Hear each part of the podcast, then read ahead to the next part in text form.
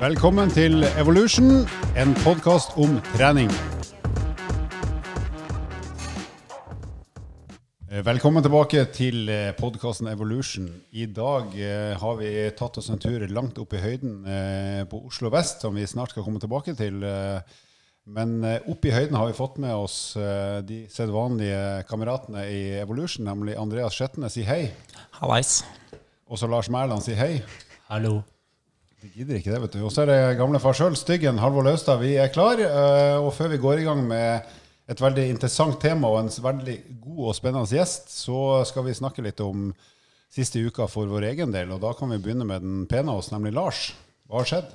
Nei, jeg er ikke blitt gravid, selv om vi skal snakke om graviditetsprinsipper. og Jeg røper det altfor tidlig. Du ser jo gravid ut, da. Ja, det lagrer mat fortsatt. For min del, siden vi snakka sist, så er jeg eh, veldig glad for at eh, busstreiken er over. Da har jeg noen å konkurrere med igjen. En ting er å komme seg til jobb, men en annen ting er den lille transportløpinga som jeg driver med innimellom, og det er å løpe til jobb. Downhill running. Downhill running from Nydalen. Nydalen til Sjølyst, og da er det 20-bussen som eh, møter meg med Ullevål sykehus, og så ser vi hvem som er først Og da er jo spørsmålet er det 20-bussen eller du som har brukt den pausen godt nok til eh, å bli i bedre form. Ingen kommentar. Det er altså 20-bussen som ruller litt fortere enn før. Ja, den har hatt en god pause. Nei, Jazza opp motoren litt. Ja. Ja, Skjetne, da. Hva med deg? Uh, ja, hva har jeg gjort siden sist? Jeg har eh, løpt, da. Uh, faktisk en morsom ting. Jeg var ute og løp i går, løp jeg intervaller. Og Ja, Det er jo kjempegøy. Nei, det er ikke gøy. Men uh, mens jeg løp bortover på Frognerstranda, så jeg kan jo si sånn at når jeg løper på tid, så er jeg ikke så hyggelig av meg. Da stopper jeg ikke alltid opp hvis det, hvis det er noe som skal passere. Eh, og I går holdt jeg på å løpe ned en syklist. Og det, det er jo sånn som kan skje, og som regel møter du det aldri igjen. Men var den syklisten jeg holdt på å løpe ned i går, det var samboeren til Lars. så jeg, hun skreik etter meg, så jeg tror ikke jeg kommer meg helt unna den der. Nei, Jeg fikk kjeft når jeg kom hjem fordi Andreas eh, For det første så så han ekstremt sliten ut, så han driver og skryter av sin egen trening. Men, eh, og at han bare vifta henne vekk. Men eh, tok du henne igjen, eller kom dere mot hverandre? Eh, nei, det er eh, helt eh, borte ved der Color Line-kaia ligger. Så, så er det både bilvei og sykkelvei og gangvei som krysses. Og der kjører jeg selvfølgelig en liten eh, shortcut og løper rett over rundkjøringa. Og der eh, kommer hun syklende. Og Color Line, for de som ikke vet det, det er den ferga som går til Legoland. Vær så, vær så god, Lars. Nei, Hva har du gjort i det siste, Halvor? Det spør jeg på, for vi har et bilde av deg her Ja, i, i fått- bar overkropp. Jeg har fått enorm respons, bare negativt, på at jeg la ut et bilde av meg sjøl etter å ha sykla den watt-testen som jeg snakka om, som var 20 minutter bånn gass. Jeg var helt kokt. Sykla i bare overkropp fordi det var varmt, jeg var sliten. Og, og så var jeg så dum at jeg tok bilde av det, et speilbilde, som riktignok er et vindusspeilbilde. Så det skal jeg jo aldri gjøre igjen. Men testen gikk jo bra. Så jeg persa jo med hele 10 watt. Fra 3.37 til 3.47. Som jo må sies å være et uh, kjempesprang for en løk som meg. Men uh, egentlig er det jo ikke det, altså. En halv lyspære der, altså. en har lyspære på 20 minutter. Så det var, stort, uh, det var stort i mitt liv. Annet enn det har ikke skjedd. Men da skal vi høre litt lyd, og så er vi i gang med episoden straks.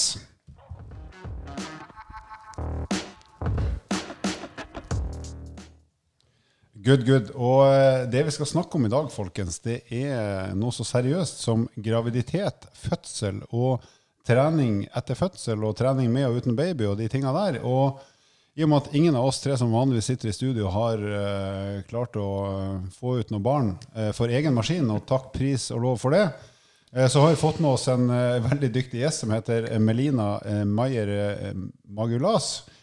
Og hun har eh, en lang erfaring både som gravid, holdt på å si, men eh, hun har utdannet seg tatt mastergrad på Idrettshøgskolen, så hun, en, eh, hun kan idrettsfysiologi og biomekanikk. I tillegg så har hun jobba som profesjonell danser. Det må jeg innrømme at det visste jeg ikke før jeg sjekka på Wikipedia. Så det skal du få si litt om etterpå hvis du vil, eh, Melina. Og eh, så har hun vært en meget god langrennsløper som egentlig ikke har lagt opp enda heller, tror jeg. Eller hva, Melina? Nei, det stemmer det, Halvor. Jeg er, eh, holder koken. Altså bare for å si det, Du har jo vært med i VM. Eh, ikke for Norge, men for Hellas. Og så tenker alle ha-ha, det er jo sikkert dårlig. Men hun går fortere enn alle som hører på podkasten, med god margin. bare så det er klinkende klart. Meg sjøl inkludert, dessverre. Ja, nå er du altfor snill, men, eh, men eh, ja, det er, det er ikke så lett som mange tror. Det er ikke bare å melde seg på VM, liksom. Nei, det er ikke nok å få en kul drakt og bare gå fort. Det Nei. må trenes. Ja, Jobben skal gjøres.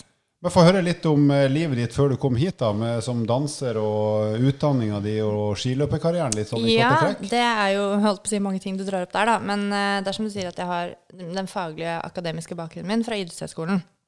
Men før det så levde jeg eh, et helt annet liv i kunstverden, uh, som jo er uh, ja, i danseverden, da. Og jeg bestemte meg når jeg var seks år for at jeg skulle bli eh, danser, og det var liksom bare straka veien dit. Ehm, så det er liksom det jeg Det er, det er egentlig den utøverbakgrunnen som, som jeg har mest av, da. Eh, og nå er jeg blitt eh, 35 år og brukt vel rundt eh, 28 av mine år på å holde på med det. Så, og det er jo som å være mm, Du skal trene som en idrettsutøver, men du lever ikke nødvendigvis absolutt som en idrettsutøver. Drev du røyka sånn for å holde vekta, eller? Nei, jeg gjorde ikke det, men det var veldig mange som røyket. Men vi hadde en, jeg hadde en russisk ballettlærer eh, som var ekstremt streng. Så hvis hun tok noen i å røyke, så var det sånn Å, alt du har trent i tre uker, er bortkastet, liksom. Og hun var liksom veldig Jeg tror ikke det var noe hold i det egentlig, da. Men eh, hun var veldig sånn anti-røyke. Men det var veldig mange som smugrøykte. Eh, jeg var ikke en av de. Um, nei, så da, etter at jeg var ferdig på da, Bordarakademiet, så um, hadde jeg litt flaks, for da åpnet den nye operaen, og da skulle de ha nede i Bjørvika da, og da skulle de ha mye sånn um, prosjekter inn der, og da fikk jeg uh, en rolle i et gjestespill, så min første ordentlige dansejobb var uh, rett og slett å stå på scenen i operaen. Det var veldig kult. Og det var um, fint, for da liksom ballet det litt på seg, så jeg trengte ikke gå så mye på audition, og jeg fikk liksom vind i seilet da, fra, fra start. Eh, og danset, danset, danset, så mye som det lot seg gjøre som frilansdanser. Og da eh, jobber du med danseprosjekter eh, på jevnlig basis, men imellom de prosjektene så må du ha annen jobb. Så det er veldig sånn ja, sånn lever veldig mange. da. Du vet ikke alltid hvor mye du skal tjene, og du vet ikke alltid når du har neste jobb. Og, så det er litt sånn spesielt liv. Man blir jo vant til det. Du lever som en toppidrettsutøver, men allikevel ikke en toppidrettsutøver. Ja, på en måte. Men så, Eh, men så fikk du en skade. Ja, så dans er jo si, kjent for å være relativt og estetisk idrett ordentlig, eh, og egentlig kan sammenligne med det. er jo ganske hardt for kroppen, og du trener veldig mye, og du restituerer kanskje ikke like bra som du trener. um, og vi kunne ikke egentlig så veldig mye treningslære. Vi visste ikke så mye om Og det var ikke så mye fokus på det heller. Eh, det er litt annerledes nå, heldigvis, eh, for de som studerer nå. Ehm, så det var eh, Kunne godt være sene kvelder ute på stan i Oslo, men likevel være klar på trening klokken ni dagen etterpå eller på prøver. Så, um, men det er sikkert ikke det som førte til ryggskaden, da, men jeg burde nok kanskje restituert mer. Så over tid så fikk jeg noen overbelastningsskader i ryggen som egentlig aldri har blitt helt bra. Og da kjente jeg at ok, jeg må ha en plan B. Dette varer kanskje ikke evig. Eh, så da begynte jeg på idrettshøyskolen. Mm. Så, Og så begynte du å gå på ski. så begynte jeg å gå på ski, eh, og langrenn var egentlig min sånn alternative trening for å prøve å holde formen mens jeg prøvde å komme tilbake til scenen. Jeg jobbet fortsatt som danser når jeg begynte på idrettshøyskolen de to og et halvt første årene og hadde toppidrettsstatus der, så jeg var mye borte fra skolen for å danse. Eh, Men etter hvert så ble det klart at jeg klart at ikke jeg kunne komme tilbake på samme nivå. Eh, og det var veldig mye smerter i hverdagen, så vanskelig å få på seg klær og bare gjøre sånne vanlige ting. så da, mm, og så var det egentlig kjempegøy å holde på med ski, da. Og løping og sånn. Og så mm, eh, ble jeg jo sammen med en som var skitrener, da. Eh, eller fortsatt er skitrener. Og han er ikke, noe, han er ikke bare klubbtrener, han trener rett og slett det beste landslaget i verden. Ja, er, eh, det er da Eirik Myrnossum, og han er eh, hovedtrener for herrer allround, da. Eh, men da var han klubbtrener. Ja, for det jeg ikke skjønner, er jo, Nå kjenner jeg ikke mannen din så godt, men jeg har jo sett ham på TV. Han er jo virkelig en trønder sånn på ordentlig. Så hvordan han har klart å, å sjekke opp en kunstnerisk dame fra Hellas, det skjønner jeg ikke. Vet det skjønner ikke jeg heller, for jeg har jo faktisk uttalt at jeg syns at trønderdialekten er den minst sexy dialekten som finnes. Eh, Men nå syns jeg selvfølgelig det er den mest sexy dialekten, da. Eh, Så nei, det var jo egentlig bare et resultat at han spurte om vi skulle skrive bacheloroppgave sammen om restitusjon i sprintlangrenn. Jeg syns verken langrenn eller restitusjon var så veldig spennende da, jeg syns han var litt ålreit. Så da sa jeg ja til det. Ja, men det er jo en vei inn, det òg. Ja. Så da ble det da mer og mer langrenn. Rett og slett. Det ble sånn glidende overgang. Og det var helt perfekt, fordi da slapp jeg sånn tomrom av å ha lagt opp som danser. Jeg kunne egentlig bare hoppe over på en ny idrett hvor læringskurven var ekstremt bratt. Og ja, det var veldig gøy, da. Men rent sånn nysgjerrig, hadde du gått på ski før du testa deg på idrettshøyskolen? Eller her var du Altså Som en hvilken som helst annen nordmann, da, så hadde jeg jo gått på ski i vinterferie og påskeferie og, sånt noe. Nå trodde jeg du skulle si som en hvilken som helst annen greker. Der er det nok mer som, flere som har sparka fotball og tatt i en volleyball enn å gått på ski. Men eh, nei, så, eh, og så gikk jeg faktisk litt på ski i Bekkelaget sportsklubb når jeg var sånn Jeg tror kanskje jeg var sånn tolv år eller ja, rundt der. Så, men det var liksom kort karriere. Det var mer sånn skilek. Eh, og alle slutta på et eller annet tidspunkt, så da det, ja. Det gikk mange år uh, uten ski. hvor det var, det var mye mer aktuelt å være en sånn kul snowboard-kid oppe i Villeløypa. Og de store heltene var liksom Terje Håkonsen og Kjersti Buåsen.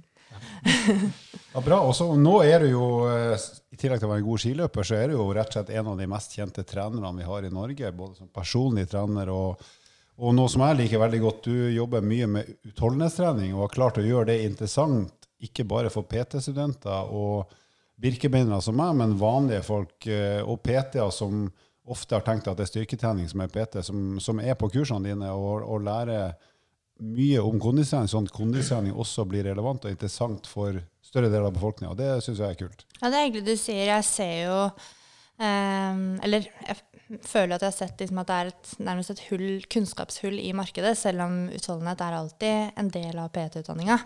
Men så er det det med at man må jo gjøre det stoffet til sitt eget og ville ønske å jobbe med det. Og da tror jeg kanskje ikke alltid at uh, det er så lett å få nok kjøtt på beinet til at man tør å ta tak i det og tør å jobbe med det og føler at du liksom kan stå godt i det. Da. Så det er litt, litt sånn min hjertesak å prøve å spre kunnskap innenfor det segmentet. Der kan jeg jo tipse alle som et snev er interessert i kondistrening, å følge deg på Instagram, for du legger ut mye eh, bra stoff der. Blant annet la du ut noe om intensitetsskalaen eh, for et par dager siden som jeg har lest, og, og som er interessant og lett å forstå. Det er bra. Det er litt babymonitor òg, men eh, akkurat nå for tiden. Men vanligvis er det mest treningsfaglig.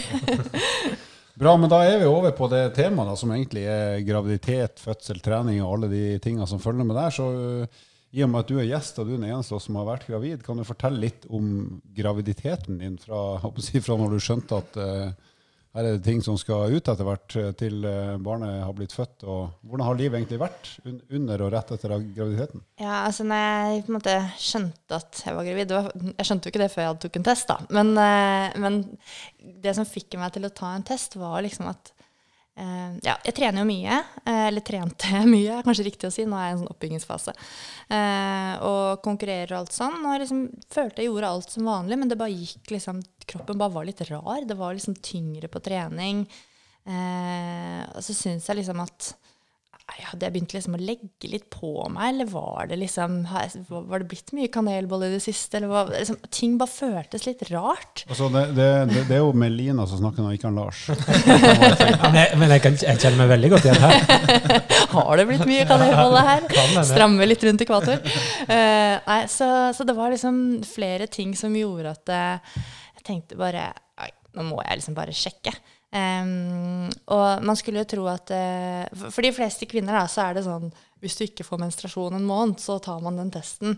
Men jeg har jo en en eh, hormonell eh, diagnose som gjør at man ikke har menstruasjon liksom regelmessig.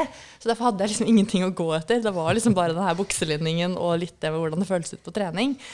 Så da tok jeg en test, da, og, um, eh, og, og så viste den positiv. Og da, tenkte, da, det, da ble jeg litt sånn letta, fordi da tenkte jeg sånn Ok, da, det liksom, da stemte det at ikke alt var som normalt i kroppen likevel. Eh, og egentlig et par dager før det så hadde jeg jo løpt en sånn Tromsø Sky Race. Eh, sånn åtte uker på vei, bare. Eh, og, og, og det føltes også sånn unormalt tungt, liksom. Og, eh, nei, men jeg tror det er bra jeg ikke visste jeg var gravid når jeg løp det. Ja, jeg, følte, jeg så, så jo det innlegget når du holdt på der, og så hva du la ut etterpå. Mm. Du hadde jo noen opplevelser underveis i det løpet der du både falt og tenkte andre ting. Stemmer ikke det? At Jo, jo, var- det, det Du skulle ønske at du ikke visste at du var gravid. Ja, det var, det var bra jeg ikke visste det, fordi jeg tryna jo to ganger der, og en gang sånn skikkelig. Så, men jeg holdt på å si Altså, det går jo som regel Det går helst bra. Så jeg hadde nok eh, Hvis jeg hadde visst at jeg var gravid, så hadde jeg nok likevel løpt, men jeg hadde kanskje tatt det mer Eller jeg hadde tatt det mer forsiktig, da. Men eh, det er jo ikke noe problem å løpe selv om man er gravid. Men sånn etter hvert, når du da uh, fikk objektivt bevis på at du var gravid, hva, hva, hvordan var, var det deg fra inn? Oppsi? Ja, da forløp det seg egentlig ganske sånn tekstbok. Eh, veldig sånn eh, første trimester, altså de første tre månedene, kvalm, uggen. Fikk veldig dilla på sånn mat fra barndommen. Sånn, mm. sånn vanlig cornflakes. Eh, og eh, spiste helt sjukt mye sånn eh, du vet, sånn Det billigste, dårligste brødet på matbutikken. Sånn ferdig oppskjært hvit toast. Som jeg lagde i toastmaskinen. Og spiste helt idiotisk mye. Eirik har sagt til meg sånn i ettertid at han var sånn Shit, liksom han She can put it away, liksom. Det var mye mat som han sa ikke noe, men det var bra han ikke gjorde det. Men det var mye energi som gikk inn da, liksom første trimester der, og det var ganske mye kvalm og sånn. Så, men, eh, men ikke noe sånn Ikke noe sånn unormalt mye. Så, og så kom liksom den, det som mange kaller den beste delen, andre trimester, hvor eh, kvalmen gir seg, og man begynner å føle seg litt bedre i formen igjen. Men til gjengjeld da så har du fått større mage og blitt tyngre. Så det er så mye liksom lettere er det jo ikke. Eh, og så er det jo den lange innspurten på det siste tredje trimester. Men jeg var i kjempeform uh, hele svangerskapet. Jeg gikk jo eh, termin, eller På termindagen så gikk jeg i intervall på rulleski opp til Tryvann. Ja, Så for du har holdt deg aktiv egentlig hele, hele tida, du. Ja, jeg har holdt meg aktiv hele tiden. Eh, Jeg har jo gjort poeng av å skulle At jeg skal være så aktiv som jeg klarer. Målet mitt var jo å tape minst Altså, du blir uansett i dårligere fysisk form når du er gravid. Så målet var å bli, tape minst mulig form. Eh, uten å egentlig ha noe stress over det. Det har blitt mange dager på sofaen også.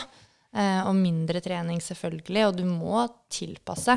Men det er veldig mye en kan gjøre likt som før, så lenge man ikke har f.eks. bekkenleddsplager eller andre svangerskapsrelaterte plager som gjør at man må ta spesielle hensyn. Da. Du planla jo veldig mye av treningen din før du ble gravid, og på en måte fulgte program og planer, periodisering. Eh, gjorde du noe, selvfølgelig noen endringer, men hva var på en måte hovedmålet? Hva var tanken bak den nye programmeringen etter du ble gravid? Og hva kan du gi av tips til de som eh, i samme situasjon? Ja. Kom i samme situasjon? Jeg, jeg gikk for første gang på veldig lenge bort fra treningsplan. Mm. Og jeg tror nesten det er det beste tipset jeg har, at uh, man kan sette seg kanskje noen aktivitetsmål. Uh, jeg hadde jo som mål om at jeg skulle få gjennomført uh, to til tre høyintensive Det er kanskje feil å si høyintensiv, men det kan vi komme tilbake til. Men litt intensive økter i løpet av uken, for jeg visste at det ville gjøre mye for kondisjonen. Um, og eh, at jeg skulle prøve å ha litt mer fokus på styrketrening fordi eh, jeg ikke kunne løpe like mye som før. Og ha samme treningsvolum på det. Så da tenkte jeg ok, da kan jeg like godt fokusere litt på styrketrening, for det, det blir ofte litt nedprioritert når man er utholdenhetsutøver. Eh, men det var mer sånn overordnet. Så, og du vet ikke, jeg, liksom, du vet ikke hvilken form du er, hvilken dagsform du har.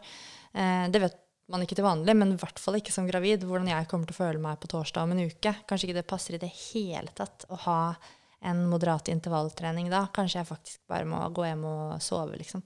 Så um, det å liksom autoregulere og ta eh, ting litt dag for dag, tror jeg er veldig lurt. Eh, samtidig så tror jeg det er fornuftig at man har satt seg noen aktivitetsmål, for hvis ikke så kan det fort skli litt ut. Det er jo, Dørstokkmila blir jo lengre, og det blir tyngre å komme seg i gang.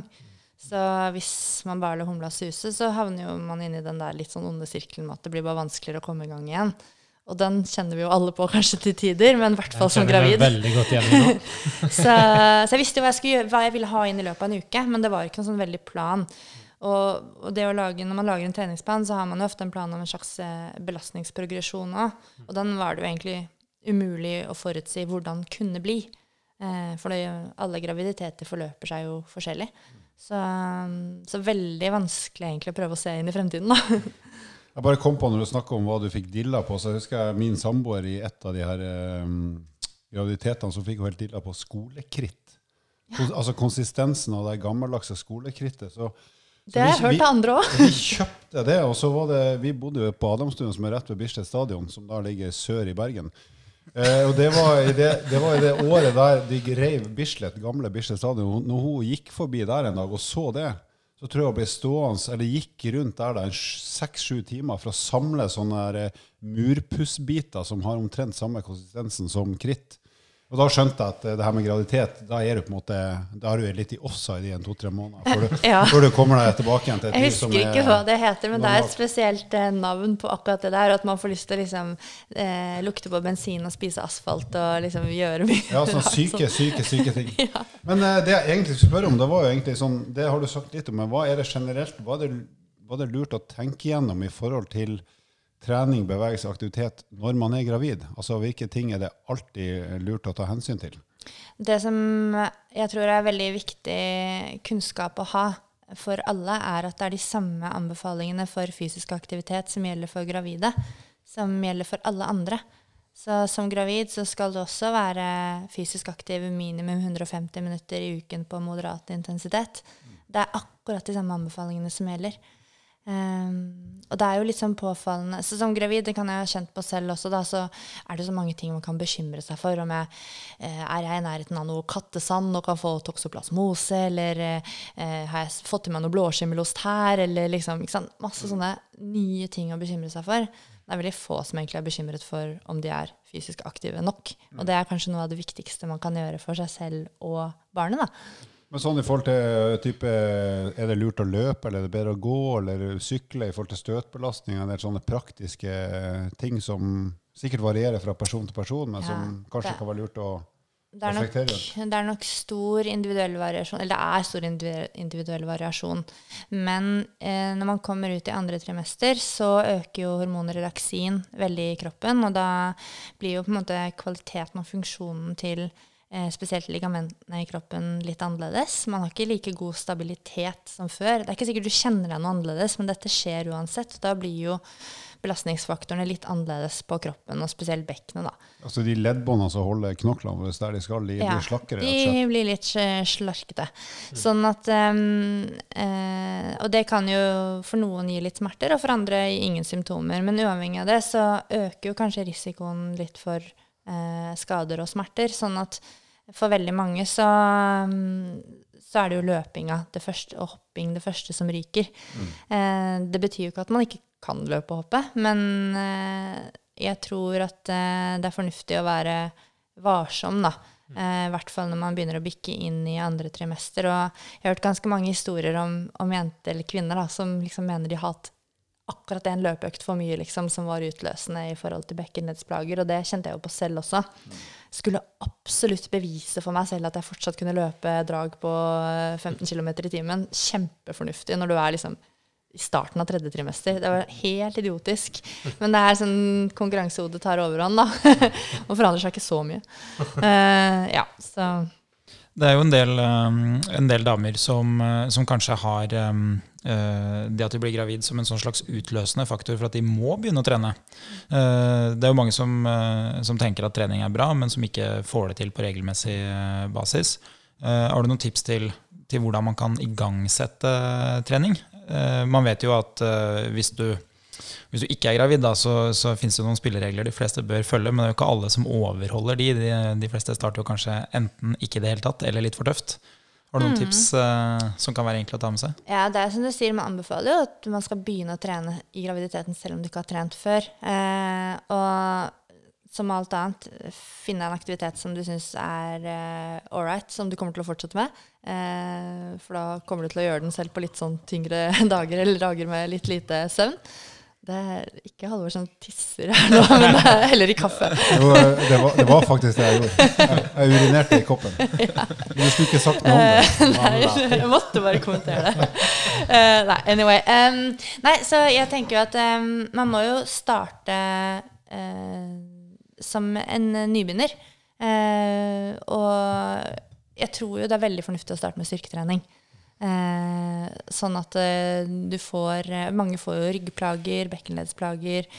Og det kan jo være at man kan klare å holde noe av det i sjakk med å faktisk eh, drive med styrketrening og bygge kroppen sterkere.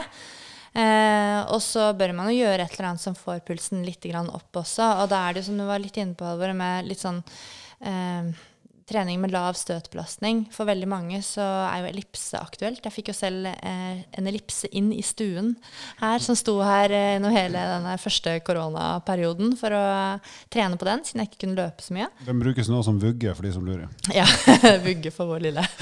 Ehm, eh, så sykling og, og ellipse kan være veldig gode alternativer. Eller gange i motbakke. Og f.eks. gange i motbakke med staver. Eh, da er det kanskje litt lettere å få pulsen, og du får brukt hele kroppen. Eh, så det er sånne eh, egentlig ganske enkle ting. Jeg tror også når det gjelder styrketreningen, at det, det er fornuftig å ha fokus på å gjøre eh, flerleddsøvelser med store muskelgrupper hvis man har mulighet. Men hvis man ikke har mulighet pga. f.eks. bekkenlettsplager, så er det alltid noe du kan trene. Da kan man heller kanskje trene mer isolasjonsøvelser og ha fokus på mindre muskelgrupper. Så det må jo tilrettelegges, men, men det er alltid mulig å få gjennomført noe trening eller fysisk aktivitet. Eh, enten om du er i tipp topp shape, eller om du, du, har noen av de typiske svangerskapsrelaterte plagene. da. Ja, så da har man jo mange gode, gode muligheter til å, til å, få være fysisk aktiv, da, rett og slett. Mm -hmm. Jeg er jo veldig sånn glad i, i hvorfor. Jeg, jeg, kan jo finne meg i veldig mye forskjellig type trening, men, men, jeg må alltid vite hvorfor jeg skal gjøre det, for da, da kan jeg omfavne det helt.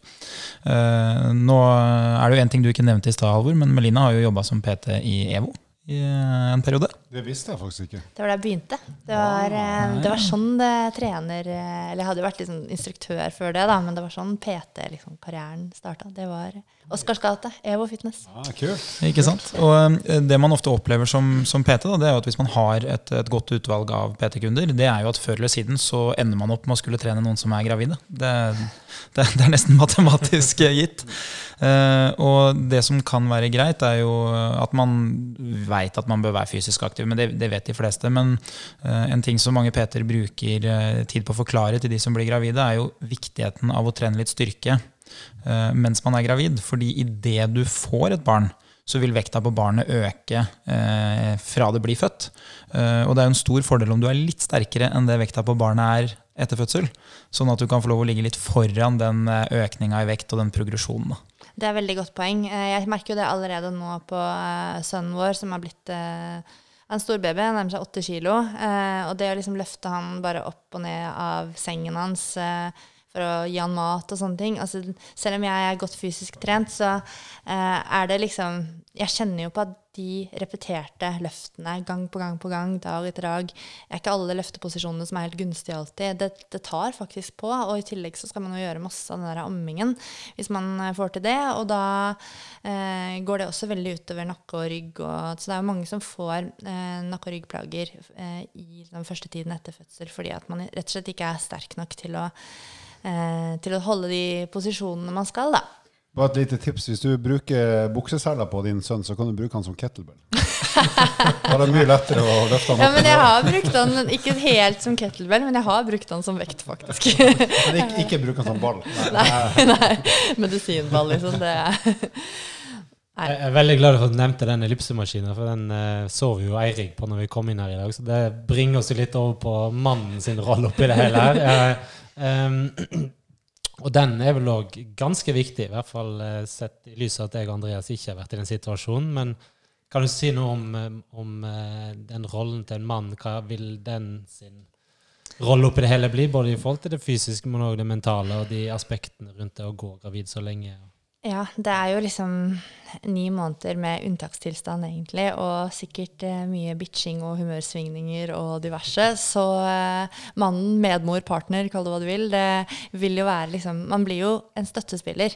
Eh, jeg, jeg, har veldig sånn idrettsperspektiv på det. At sånn, jeg er liksom hovedpersonen og utøveren, og han er mitt støtteapparat. Og så er man jo sammen om det, for all del, men man trenger kanskje litt ekstra støtte og forståelse og hjelp med ting. sånn det å støvsuge kan jo være kjempeslitsomt og vondt også. Og liksom gjøre husarbeid må man kanskje fordele oppgavene litt annerledes.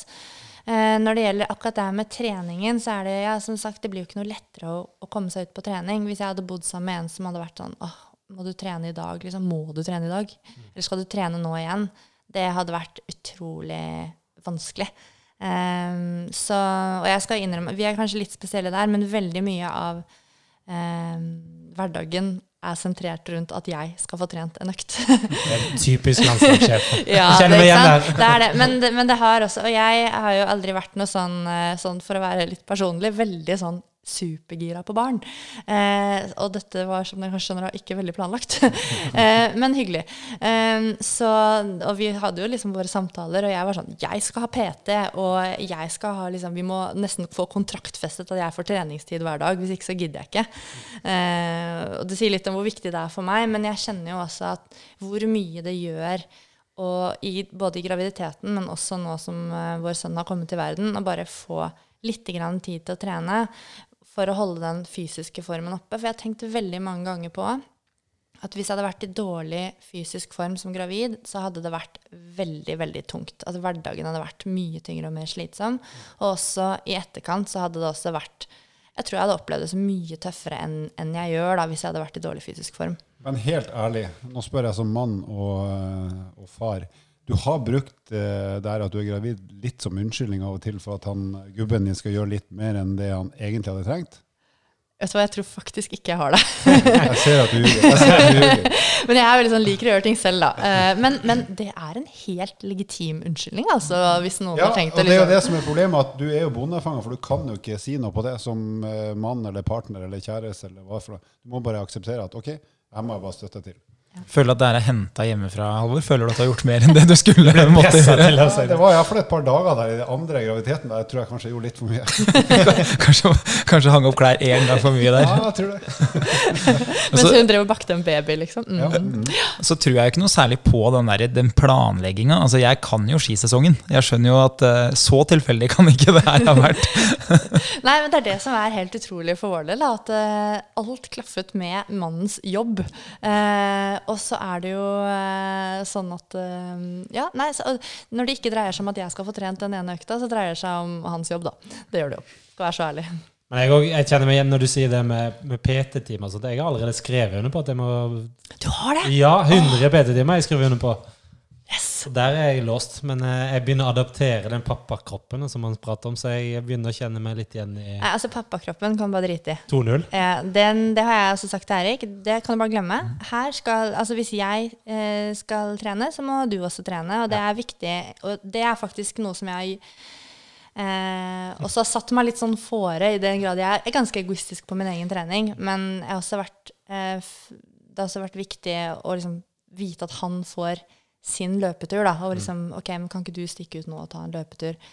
Eh, så det, det tror jeg er, um, det er veldig viktig for begge når det har kommet en baby til verden. Da, og alt dreier seg om den. At man får litt alenetid eh, og egentid med treninga. Begge, faktisk.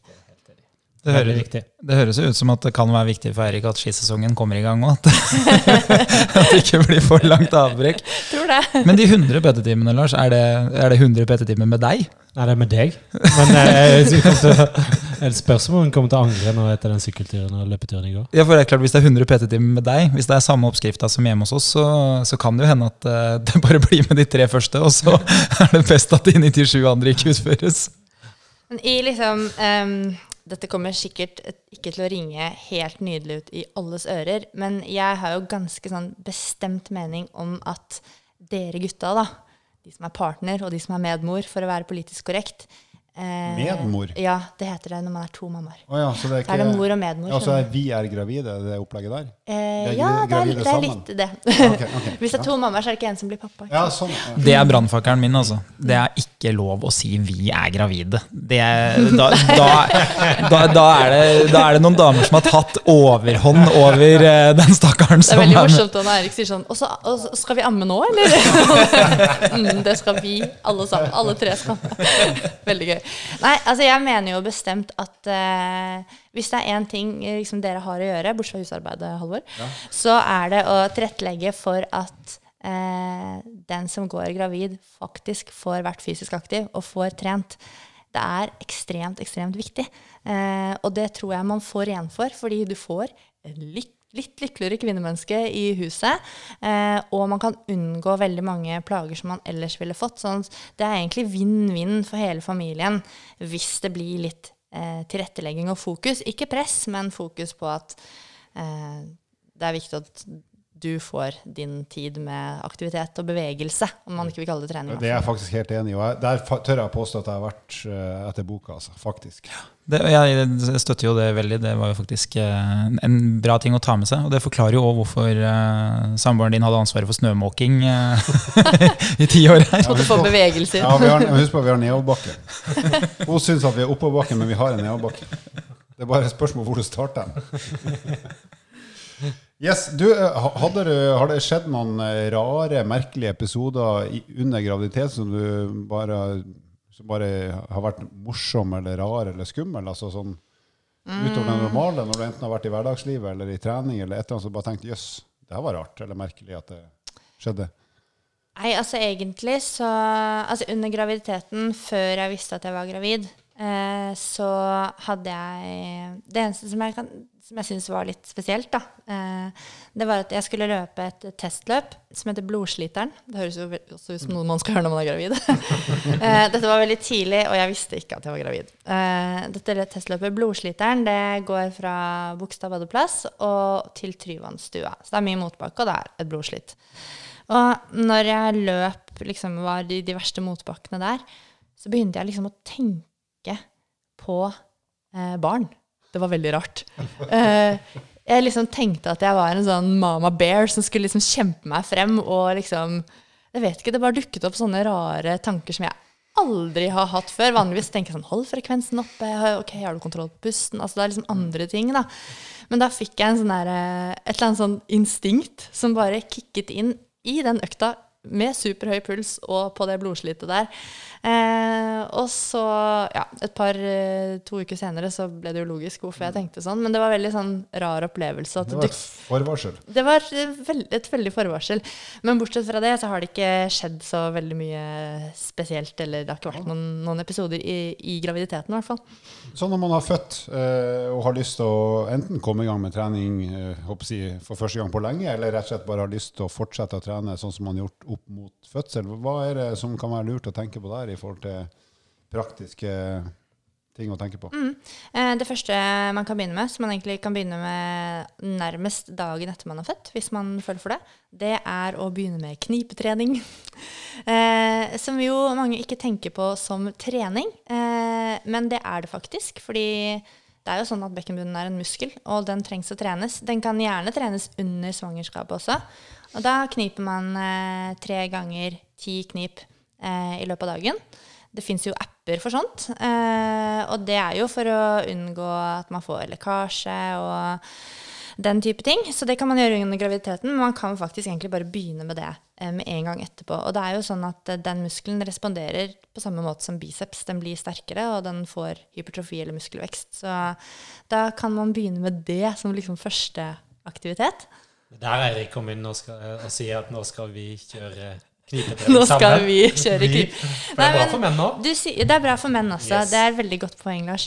Eh, men det som faktisk eh, bringer meg tilbake til det jeg sa i sted, om at det er viktig at man får sin tid til trening, er at den bekkenbunnstreninga det er ikke noe du kan gjøre mens du ammer, eller mens du står og lager mat. Man skal tro at liksom, dette kan du gjøre mens du, altså hvor som helst, når som helst. Og det har blitt mye sagt, men det stemmer ikke. For å gjøre det riktig så må du konsentrere deg veldig.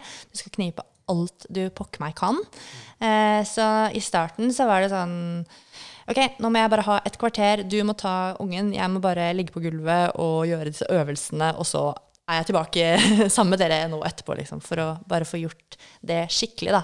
Og det jeg merket, var jo også at um, jo holdt på å si, mer fokus jeg hadde på eh, kvaliteten i akkurat det, jo raskere fremgang gikk jeg, og, eller fikk jeg. Og det gjorde at jeg kunne komme veldig raskt i gang med andre aktiviteter som jeg heller hadde lyst til å gjøre. Nå eh, har jo vi alle som sitter her én ting til felles, og det er at vi har gått på samme skole. Og en del av den undervisninga er òg akkurat det med knipetrening. Eh, og jeg husker jo det veldig godt. Én ting er at du tar brodden av det som kan være litt sånn kleint for gutter, for det hadde man kanskje ikke satt seg så mye inn i før man havner oppi det. Det er fortsatt kleint. Ja, det er greit. Ja, ja, ja, det, Kom over det. det, det er klart. Men det som, eh, det som er morsomt, da, du sier jo at, eh, at det er jo muskler som reagerer på samme måte som, som biceps. eh, Og det er klart at når du møter opp der i en sånn time, og du er med på, på trening, så får du òg den samme eh, reaksjonen dagen etter. Og det er jo at du blir støl i de musklene som du ikke har brukt. Ja, jeg har ikke blitt støl. Nei, men, men det ble jeg. Det har ikke jeg heller, Andreas. Nei, du- Hva har du egentlig gjort? Nei, Så det, det som eh, skjer, da, er jo dagen etter veldig etter nytt for deg, det der. ja, ja, ja, veldig. Så, eh, man blir ordentlig kvalm. Sånn, eh, det er jo sånn, Man går rundt og er støl i muskler man ikke har brukt, og som man vanligvis ikke bruker. Det, Men, men du tar faktisk opp et uh, godt poeng. Det er begrenset hvor mye vi skal snakke om underliv her, da. Men, uh, det, Mere, mere, mere. ja, men det er faktisk sånn at når du trener opp bekkenmunnsmuskulaturen igjen etter å ha født eh, vaginalt, så kan det jo være at man opplever å få litt sånn kjenninger og eh, kanskje litt små vondter, og ting kjennes litt annerledes ut fordi du begynner å bruke musklene igjen etter at man da har hatt et barn i fødselskanalen. Så det er, faktisk, eh, det er jo faktisk sånn at ting kan føles litt annerledes ut når man begynner med å ha ordentlig fokus på den treninga. Men det er i hvert fall sånn, det, kan, det er trening som man kan begynne med med en gang, som vil ta deg videre til annen trening. da. Det forklarer jo eh, hvordan du kan ha reagert på den knipetreninga, men det forklarer ikke hvordan han, hvorfor Andreas følte det sånn. det var sikkert for mye, da. Tre, tre ganger 100 var kanskje litt Tok i skikkelig, da. Fikk faktisk. Men du så til et tema som for så vidt alle sliter med sikkert eh, i hverdagen, eh, søvn. Særlig nå etter at den lille har kommet ut. Hvordan funker det? Jeg tror ikke vi Det som jeg har opplevd, er sånn det vanlige. Fordi jeg har fått en baby for nybegynnere. Så jeg har vel snittet på sånn åtte og en halv time søvn eh, fram til han var tre måneder. Jeg har sovet mer enn før jeg fikk barn. Så eh, det, don't hate me. Men sånn har det bare vært. Og nå er han, blitt, nå er han, blitt, eh, nå er han snart fem måneder, og nå begynner det å bli litt mer action og litt mer mye mer avbrutt søvn og våkennetter. Og det er klart at det eh, kjenner jeg jo på. Eh, særlig når det kommer liksom litt sånn til ettermiddagen. Og hvis jeg da ikke har rukket å trene tidligere på dagen, så skal jeg love deg at det er seigt å komme seg ut på ettermiddagen. Og den økta blir ikke i nærheten av like bra som økt tidligere på dagen. Så det er jo også et sånt tips da, å få økten, eller bevegelsen du har planlagt å gjøre, inn ganske tidlig. Eh, fordi at eh, energien taper seg bare utover dagen, og så skal man inn i en ny natt med avbrutt søvn og mating og hurra meg rundt. Dere fødte en toppidrettsbaby dere, med en gang, som bare er opptatt av å spise, sove og Har for restitusjon. knipetrening. Nei, vi, altså Stakkars han lille der. Han, han vet ikke selv, men han blir jo et prosjekt. Han blir et drømmeprosjekt. Vi har noen eh, eksempler rundt om i Norge, men det skal vi ikke inn på nå. Eh, litt sånn nysgjerrig på Gjør dere noen aktiviteter sammen, du og Eirik, altså med, med lille babyen, og som man kan anbefale i forhold til å få den fysiske treninga pretta inn, selv om det er lite søvn og et hektisk hverdag? Mm, I starten, eh, de første mm, Altså, man skal jo vente, for å liksom backtracke litt, da, så skal man jo vente seks uker med det man kaller for trening. Det betyr ikke at man ikke skal gjøre fysisk aktivitet og være i bevegelse. Det kan man jo. Så da gikk vi jo en del tur, eh, og jeg begynte nok uke, etter uke fem å småjogge faktisk lite grann. Type sånn gå 30 steg, jogge 20 steg veldig veldig sakte og med vogn. Så det var korte steg og gikk ikke noe fort. Det kan knapt kalles jogging. Eh, men det var jo noe som vi kunne gjøre sammen. Selv om ikke det var mye trening for han, så var vi jo sammen. Og så hadde vi også sånn eh, ja, kaller det basistrening på stuegulvet. At vi gjorde egenvektsøvelser, rett og slett. Baby lå i babygym, og vi på hver vår matte, musikk på, og hadde laget en uh, liten sirkel. Litt eh, tilpasning av øvelsene for min del. Sånn at eh, når han gjorde situps, så gjorde jeg mine knipeøvelser, da. Eh, og mm, vi brukte også eh, lille Niklas, som er vår sønn, som eh, en liten vekt eh, i kn- knebøy, f.eks. Dype knebøy. Sånn at vi hadde da liksom stuegulvstrening sammen. Og kanskje bare Ingen av oss syns egentlig det er kjempegøy, fordi at vi har andre ting vi syns er morsommere å trene. Men da bare bestemte vi oss for at ok, en halvtime nå, eller 40 minutter nå, så skal vi bare kjøre disse øvelsene.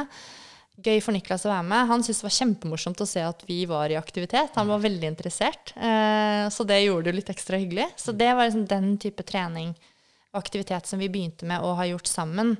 Men nå har vi jo vatta det opp ganske mye, og nå løper vi intervalløkter. Og han løper med vognen, og jeg løper uten vognen.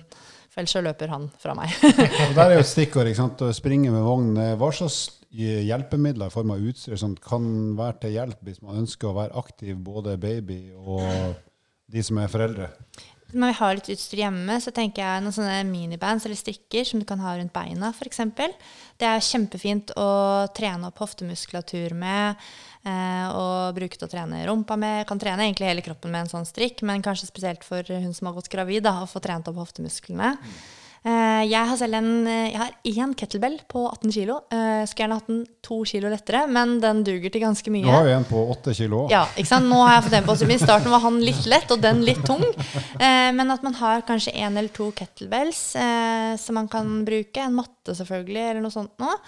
Eh, men jeg tenker sånn kettlebells og strikker, eller noen manualer og strikker, det får du gjort ganske mye med. Og hvis man også vil investere i en slynge, så kan man jo bruke liksom det å manipulere vektarmene eh, ganske greit til at gjøre, du kan gjøre alt fra sånn superenkle rehabøvelser til kjempetunge eh, tøffe øvelser med en slynge. Så veldig sånn småutstyr, egentlig, som ikke er stor kostnad å, å, kjøpe inn. Og Hvis dere skal ut på tur da, og liksom, det, gjøre noe kondisjonsaktig, eh, mm. hva er det som kan lønne seg da, litt sånn avhengig av sesong? Eh, type løpevogn eller joggevogn? Ja. Eller sånne? Jeg tror nok også, sånn, Hvis vi skal ta hun som har vært gravid inni det her, så er det veldig smart å begynne med trening i motbakke. Og i starten så duger nok den vognen som man har, altså den hovedvognen, ikke nødvendigvis en løpevogn, men den vognen som man har tenkt å bruke.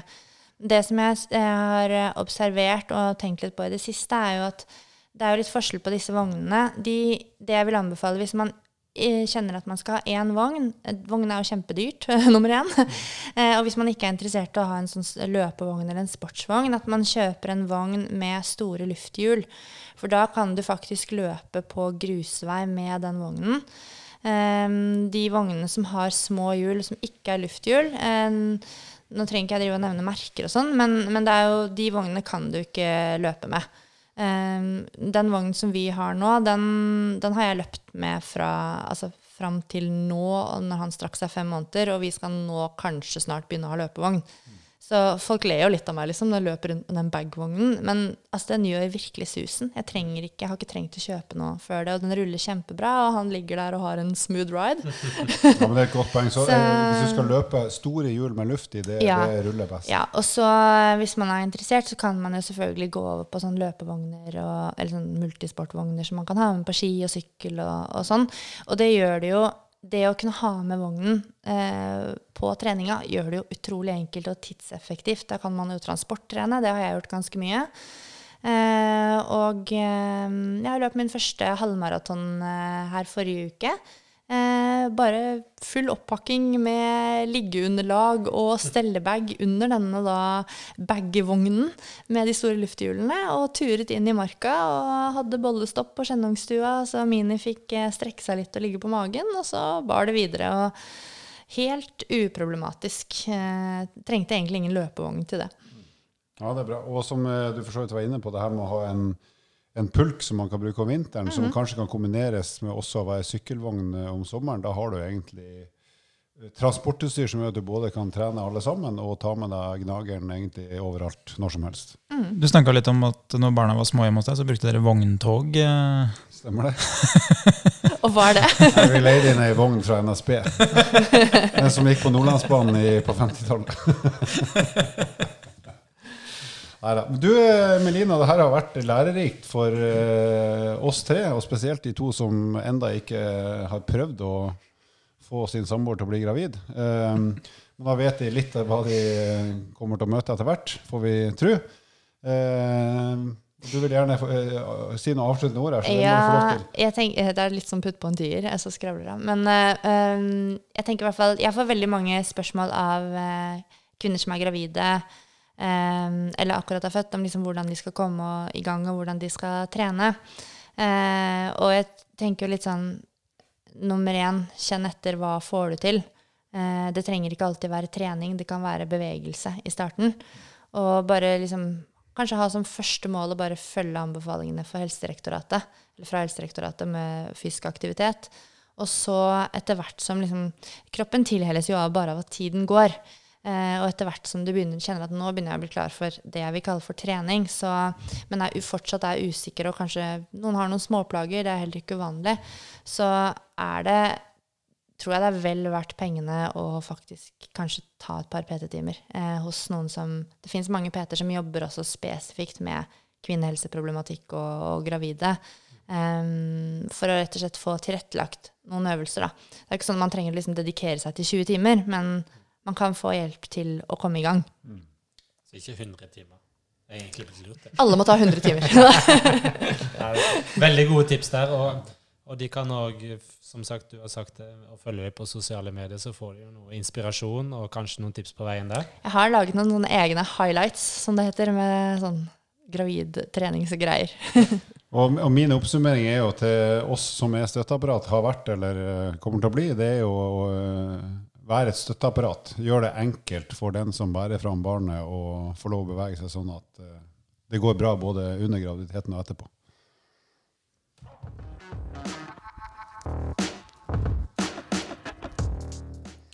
Da eh, skal vi avslutte episoden eh, med en liten fun fact. Før det minner om konkurransen, som fortsatt er hvis du gir oss rating på Spotify eller iTunes, så er det med i trekninga av fem sett med turninger. Dvs. Si det blir da fem vinnere som får ett sett hver. Eller send inn spørsmål til Evo Fitness eller via evolution.no, som er bloggen vår. Så er du med i trekninga av et komplette sett med turninger, som bl.a. egner seg til å trene før, under, etter graviditet. For absolutt alle. Fun Funfacten i denne episoden her er jo da barnerelatert. Eh, eh, det vi vet, er at babyer, når de er helt nyfødt, de har rundt 300 knokler i kroppen. Eh, og Det er ganske mye, for når de vokser seg til, så vokser mange av de knoklene seg sammen. Og da er vi, når vi er voksne, så har vi bare 206. En litt eh, artig eh, informasjon, som selvfølgelig babyene ikke er klar over. Men altså, vi får ca. 100 bein færre knokler eh, når vi har vokst oss voksen framfor når vi er nyfødt. Og så Noe annet som er rart med babyer, som kanskje du Melina, har uh, registrert, det er at når de ligger inne i mors mage, så hører de jo hjertet dunke. Uh, og det er jo bra, for det må det jo gjøre for at det skal gå godt med begge to. Eh, men det er da også grunnen til at unger, når de hyler og skriker og er nervøse, ofte roer seg ned eh, hvis de blir lagt inntil hjertet på den som prøver å passe på dem. Så for de som sliter med å få ungene til å være stille, roe seg ned, som bl.a. jeg har gjort eh, utallige ganger med mine unger, så kan det være lurt å legge det inntil et uh, varmt, godt uh, dunkende hjerte. Stemmer det, Melina? Ja, Det trikset ble brukt senest i natt uh, av min mann, så, og da sovna han på et par minutter. Og hvis ikke det hjelper, da, da snakker jeg av bitter erfaring, så hjelper det i hvert fall for frustrasjonen til den som prøver å roe ned ungen, å synge nattasanger, men med ny og stygg tekst. For det skjønner ikke ungene likevel, men da får du i hvert fall utløp for aggresjonen og frustrasjonen uten at det går utover noen, egentlig. Og med disse ord så skal han Andreas si en eh, rar lyd, og så er vi ferdig. Sayonara. Send inn spørsmål til oss på Evo Fitness. Vi fins både på Instagram og Facebook. Og vær grei å abonnere på podkasten på Apple Podkast eller Spotify.